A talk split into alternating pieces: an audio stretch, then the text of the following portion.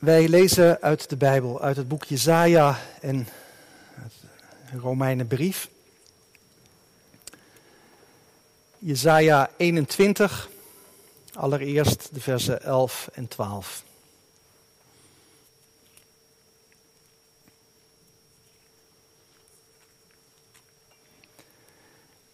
Jezaja 21, vers 11. De last over Doema. Men roept mij uit Seir toe. Wachter, hoe staat het met de nacht? Wachter, hoe staat het met de nacht? De wachter zei, de morgenstond is gekomen, maar het wordt ook nacht. Wilt u vragen? Vraag. Keer terug. Kom. Tweede lezing, Jesaja 60, de versen 1 tot 5. Jesaja 60. Sta op, word verlicht, want uw licht komt. En de heerlijkheid van de Heere gaat over u op.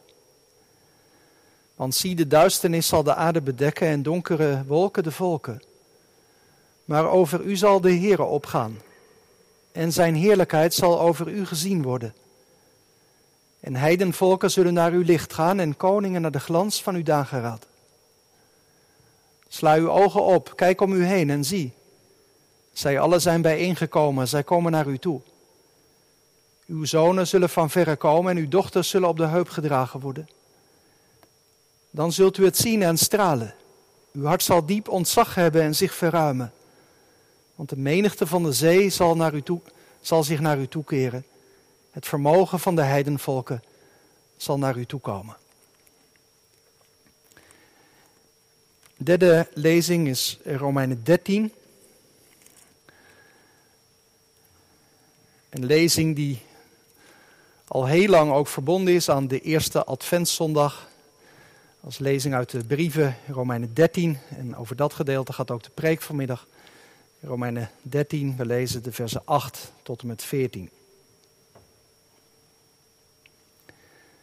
Wees niemand iets schuldig dan elkaar lief te hebben, want wie de ander lief heeft, heeft de wet vervuld.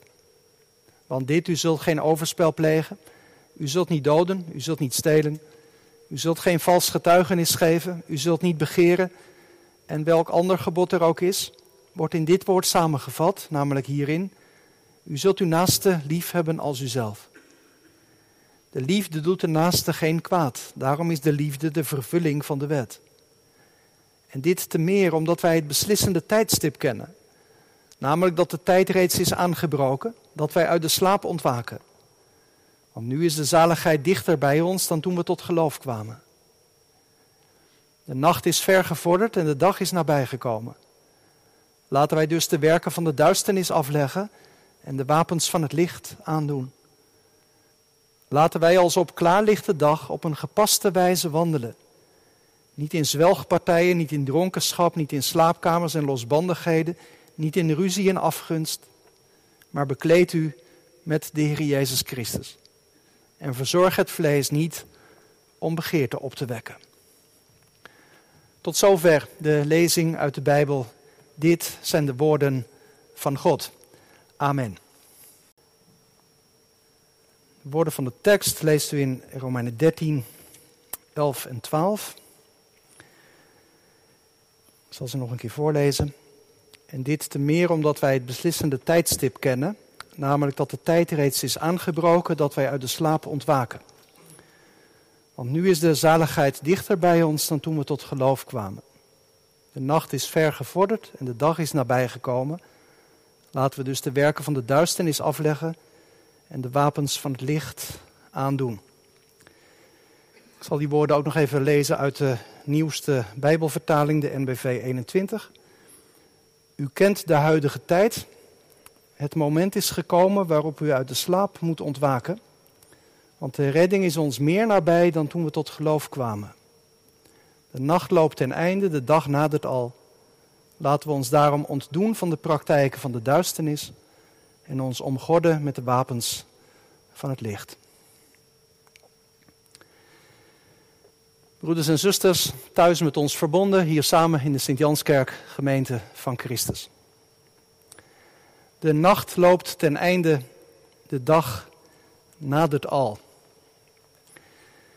Het kan niet anders of de lezers van de Romeinenbrief hebben dat als een geweldige troost opgevat. Deze brief is geschreven in een periode waarin donkere wolken zich samenpakken boven de eerste christenen. Paulus schrijft zijn brief waarschijnlijk in het jaar 56, 57 na Christus. In het jaar 54 is keizer Nero aan de macht gekomen. En Nero was een onberekenbaar figuur, grillig en vrijheid. Voor de christenen in Rome aan wie Paulus schrijft was de situatie ontstaan die vol met dreiging was. En we weten ook dat een paar jaar later inderdaad een verschrikkelijke vervolging is uitgebroken. Vooral in het jaar 64, het jaar van de grote brand van Rome, toen vele huizen in vlammen opgingen. En toen Nero de schuld gaf aan de christenen, die het op een verschrikkelijke manier moesten ontgelden. Het lijkt of Paulus dat allemaal al een beetje voorziet als hij in Romeinen 12 schrijft: Zegen wie u vervolgen. Zegen hen en vervloek hen niet.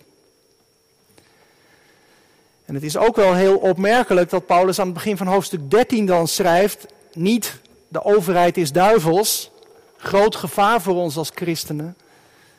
Maar dat hij de gemeente blijft oproepen om die overheid te eerbiedigen. Ook al is Nero aan de macht, ook al wordt het moeilijker en moeilijker. Zijn er heel veel donkere wolken boven Rome. Trouwens niet alleen boven Rome, maar ook boven Jeruzalem. De stad die Paulus zo lief is. Want ook daar is de sfeer broeierig. Steeds meer waart een geest van revolutie rond. Opstand tegen de Romeinen. En uiteindelijk zal het ook tot zo'n opstand komen in het jaar 66. En de Romeinen zullen die opslag bloedig neerslaan. Eén groot bloedbad. Nou, als je in zo'n gespannen situatie zulke woorden te horen krijgt als onze tekst, de nacht loopt ten einde, de dag nadert al, dan voel je wel, dan geeft dat nieuwe moed. Daar klinkt iets door van, hou vol. Want er komt een einde aan duisternis en dood. Aan dreiging en angst, aan dictatuur en vervolging. Hou vol. Prachtige woorden. En als je de versen 11 en 12 van Romeinen 13 op je laat inwerken, dan lijkt het ook of Paulus wil zeggen, nou, lang kan het niet meer duren. De dag die nadert al. We moeten wakker worden, want de redding is nu dichterbij dan toen we tot geloof kwamen. Het is bijna zover.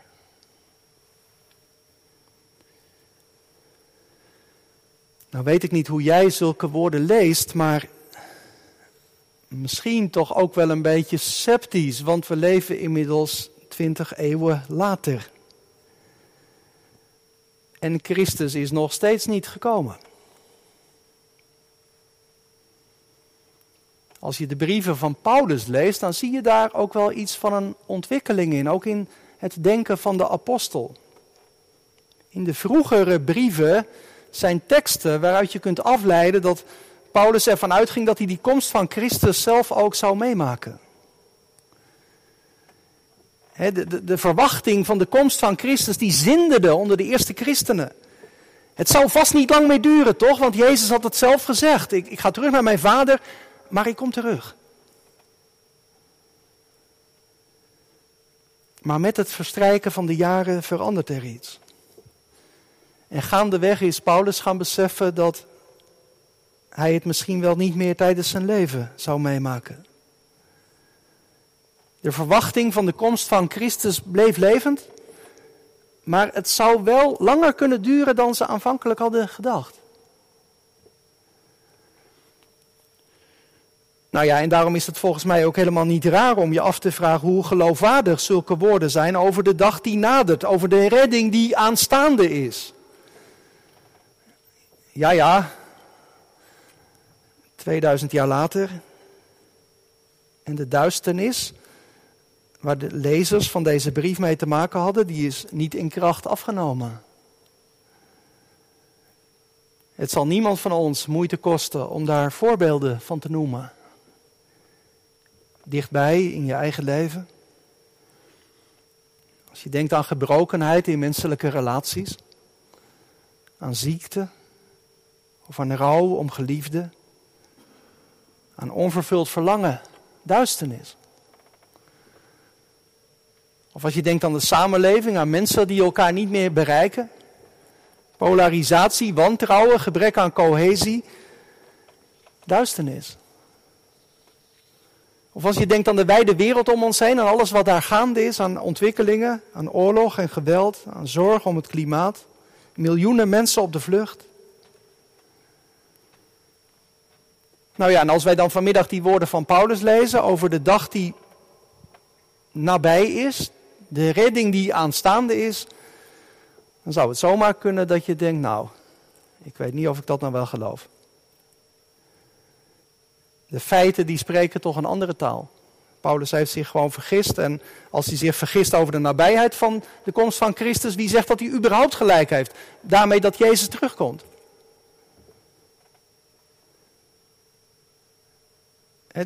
Alleen ook al de gedachte dat het misschien nog wel eens 2000 jaar op deze manier door zou kunnen gaan. Zou toch verschrikkelijk zijn?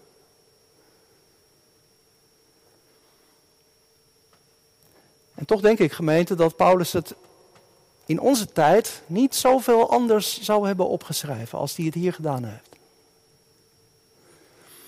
En dat heeft te maken met het begin van vers 11. Moet je nog even kijken, dat is, daarom las ik ook die MBV 21, want daar is het wel iets scherper vertaald, denk ik. In HSV staat daar, wij kennen het beslissende tijdstip. De MBV leest daar, u kent de huidige tijd. U kent de huidige tijd. En dan zou je, nou ja, als je dat zo een beetje op de klank afhoort, kunnen denken dat Paulus bedoelt, nou, jullie weten wat er allemaal speelt in de tijd. Hè? Jullie kennen de huidige tijd. Jullie hebben goed zicht op alle gebeurtenissen. Het zijn donkere tijden. Maar dat is niet allereerst wat de apostel bedoelt. Het gaat hem niet zozeer om duiding van wat er in zijn dagen aan de hand is. Nee, je moet eigenlijk direct doorlezen.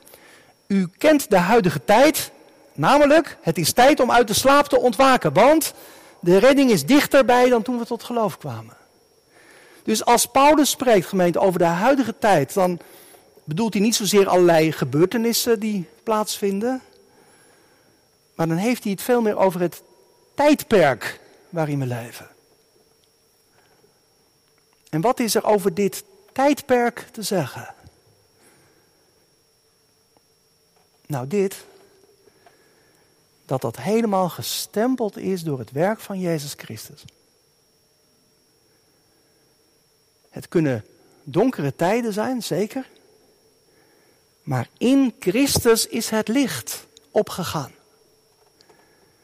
En dat zijn de woorden die na de geboorte van Johannes de Doper profetisch over zijn leven worden uitgezegd door Zacharias. Johannes, jij mag de wegbereider zijn van hem die verschijnt aan mensen die, die leven in duisternis van schaduw van de dood. Jezus Christus, het licht van de wereld. Met zijn komst is een nieuw tijdperk begonnen. Zijn leven, sterven en opstaan schenkt mensen een nieuw begin. Daar zet ik vanmiddag allereerst een heel dikke streep onder. Er is een nieuwe tijd begonnen. Want God heeft in Jezus Christus een nieuw begin gemaakt met deze wereld. Een nieuw begin ook met jou en mijn leven. Want Paulus verwijst hier heel concreet naar het moment dat wij tot geloof kwamen. Het moment dat dat werk van Christus het leven van die mensen in Rome binnenkwam. En als je het nou even naar jezelf toe haalt. Misschien weet je dat ook nog wel wanneer dat is gebeurd bij jou.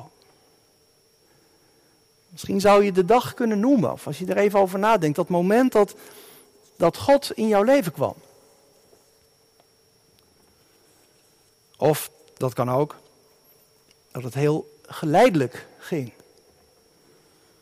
Of misschien hou je al van je hemelse vader zolang je leeft. Maar hoe dan ook, zegt de apostel, ooit kwamen we tot geloof. En zeg ik er vanmiddag bij, nou als dat nou nog niet gebeurd is, dan staat ook nu, op dit moment, in deze dienst, de Hemelse Vader met open armen op je te wachten. Staat hij klaar om je te ontvangen? Dan mag je vandaag, nu neerknielen en je overgeven aan Hem. Door Christus is een nieuw begin gemaakt, een nieuw tijdperk begonnen. Maar dat is niet alles, zegt Paulus in onze tekst, want dit nieuwe tijdperk dat zal tot voltooiing komen als Christus terugkomt. Het is dus als het ware voor de apostel één beweging. Het werk dat Christus gedaan heeft en dat hij nog zal gaan doen. Dat hoort helemaal bij elkaar. Dat is eigenlijk wat Advent ook ons wil zeggen. Zo zeker als God in Jezus Christus heeft gehandeld, zo zeker zal hij dat opnieuw gaan doen. Zo zeker als Christus voor ons de dood is ingegaan, zo zeker als hij is opgestaan uit de dood, zo zeker zal hij ook terugkomen. Er is een toekomst vol van hoop. De nacht loopt ten einde, de dag nadert al. De grote dag van Christus staat voor de deur. En iedere dag, iedere dag die ik van Hem ontvang, kom ik daar een stapje dichterbij. Ik weet niet of je daar zo wel eens naar kijkt. De redding is ons nu meer nabij dan toen wij tot geloof kwamen, zegt de apostel. Dus iedere dag opnieuw kom ik dichter bij het moment dat er een einde komt aan alle moeite en pijn, alle twijfel en zorgen, alle nood en ziekte en dood. In ieder geval wil de apostel dat heel krachtig bij ons op de agenda zetten. Er zit in de tekst van vanmiddag een geweldige urgentie. De dag nadert al en de zaligheid, de redding, de volkomen vernieuwing die God gaat schenken, die is aanstaande, bijna. Bijna breekt het licht in volle luister door. En daarom, zegt de apostel, daarom is ook het moment dat u uit de slaap moet ontwaken. Opstaan, de hoogste tijd om wakker te worden. Deze tekst die lijkt, en vaak wordt er ook wel naar verwezen in tekstverwijzingen die zo onderaan gekriebeld staan. Deze tekst lijkt erg op wat Paulus schrijft in Efeze 5. Ontwaak u die slaapt en sta op uit de dood en Christus zal over u lichten. Woorden die de componist Mendelssohn muzikaal heeft vertolkt in het stuk dat Gerben na de dienst zal spelen. Net als ook de woorden van Jesaja 21 en onze tekst. De apostel die schudt de gemeente wakker. Ontwaak met spoed, sta haastig op. Niet zozeer vanwege naderend gevaar, maar vanwege naderend heil, vanwege de redding. Zeker, in de Bijbel wordt ook gewaarschuwd tegen gevaar, opgeroepen tot bekering om aan het oordeel te ontkomen. Maar hier is de spits anders. Waarom wakker worden? Waarom ontwaken uit de slaap? Nou, als ik het goed zie, heeft dat in onze tekst een dubbele spits. Dat Gods dag aanstaande is, dat stempelt op twee manieren ons leven. Het zegt allereerst iets over je toekomstperspectief. Voor mij persoonlijk. Hoe donker je leven ook is, je bent in de handen van Christus.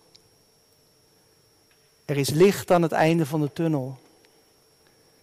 Er is perspectief. Want daar zal geen nacht meer zijn. Er is een toekomst vol van hoop voor ieder die verbonden is met Jezus Christus. Persoonlijk toekomstperspectief, maar ook voor deze wereld. Paulus schreef daar eerder overheen deze brief in hoofdstuk 8. Over die schepping die zucht. Over gebrokenheid die dwars door de goede schepping van God heen loopt.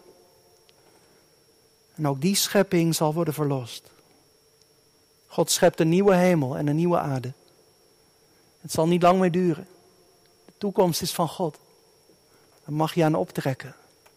We hebben altijd goede moed. Dus de eerste manier waarop deze woorden mijn leven stempelen is doordat ze de hoop in mij levend willen houden. Ik zou zeggen, laat je die hoop niet ontnemen. Wat je ook kan overkomen en hoe zwaar je weg ook kan zijn.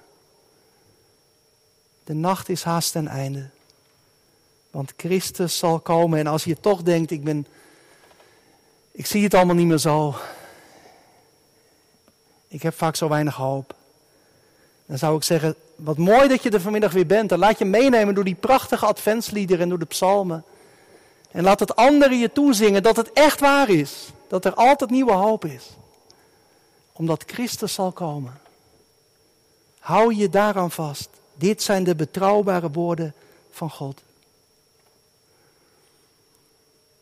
Ontwaak u die slaap. Dat geeft mij toekomstperspectief.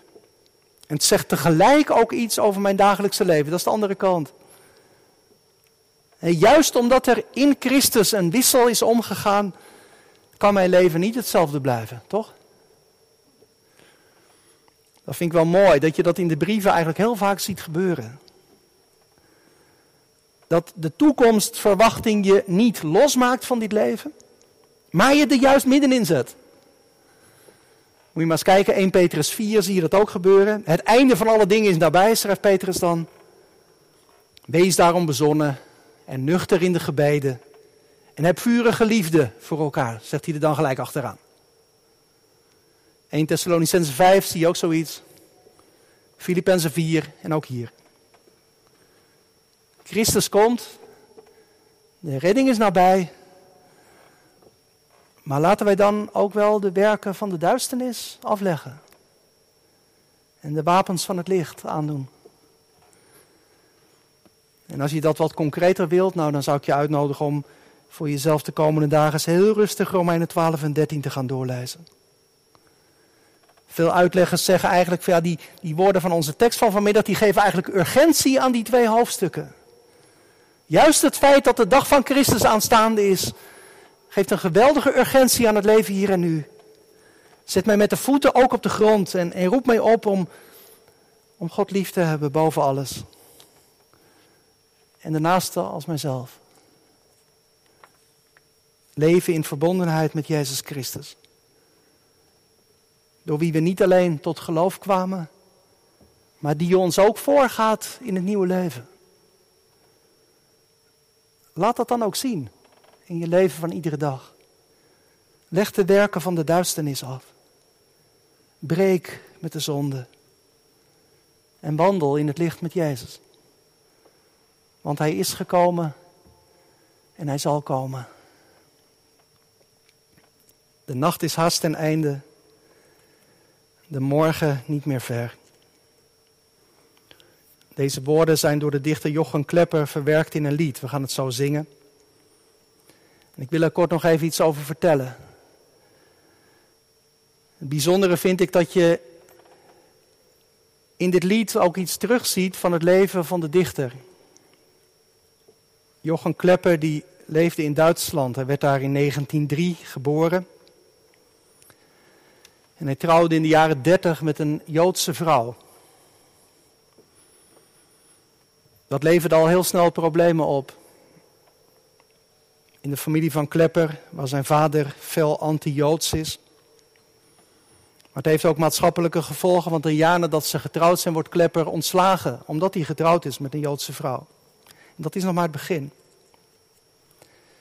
Het leven van Jochen en Hanni Klepper wordt gestempeld door alles wat er in de jaren 30 in Duitsland gebeurde. Er worden steeds weer nieuwe racistische wetten geformuleerd, waardoor de Kleppers steeds verder in het nauw komen. We weten veel van hoe Klepper dit alles heeft beleefd door de dingen die hij daarvan heeft opgeschreven. In schoolschriften en kladblokjes noteerde hij dagboekaantekeningen. Later uitgegeven onder de titel Unter dem Schatten deiner Flügel, onder de schaduw van uw vleugels. Woorden uit Psalm 57 over het schuilen bij God tot het onheil voorbij gaat. Op 18 december 1937 schrijft Klepper, het is dan de dag voor de vierde Adventszondag, in zijn dagboek dat hij dit lied heeft gedicht. Ik schreef vanmiddag, schrijft hij een tweede kerstlied. De nacht is haast ten einde. Dat is opvallend dus, hij noemt het zelf een kerstlied. Terwijl het in de meeste bundels onder adventsliederen terecht is gekomen. Maar eigenlijk zie je het allebei terug. Ook weer die dubbelheid die ik net in de preek aangaf. Motieven van verlangen, van uitzien naar de komst van Christus. Maar ook de beschrijving van wat Christus al gedaan heeft, het kerstgebeuren. En Klepper zingt in zijn lied ook over de nieuwe dag. De nacht is haast ten einde. Want God is aan ons verschenen. Zijn zoon is naar de wereld gekomen. En intussen is het nog niet helemaal dag. De nacht is nog niet helemaal voorbij. Hij zegt in dat ene couplet: Hoeveel zwarte nachten van bitterheid en pijn en smartelijk verwachten ons deel nog zullen zijn op deze donkere aarde. Toch staat in stille pracht de ster van Gods genade aan het einde van de nacht.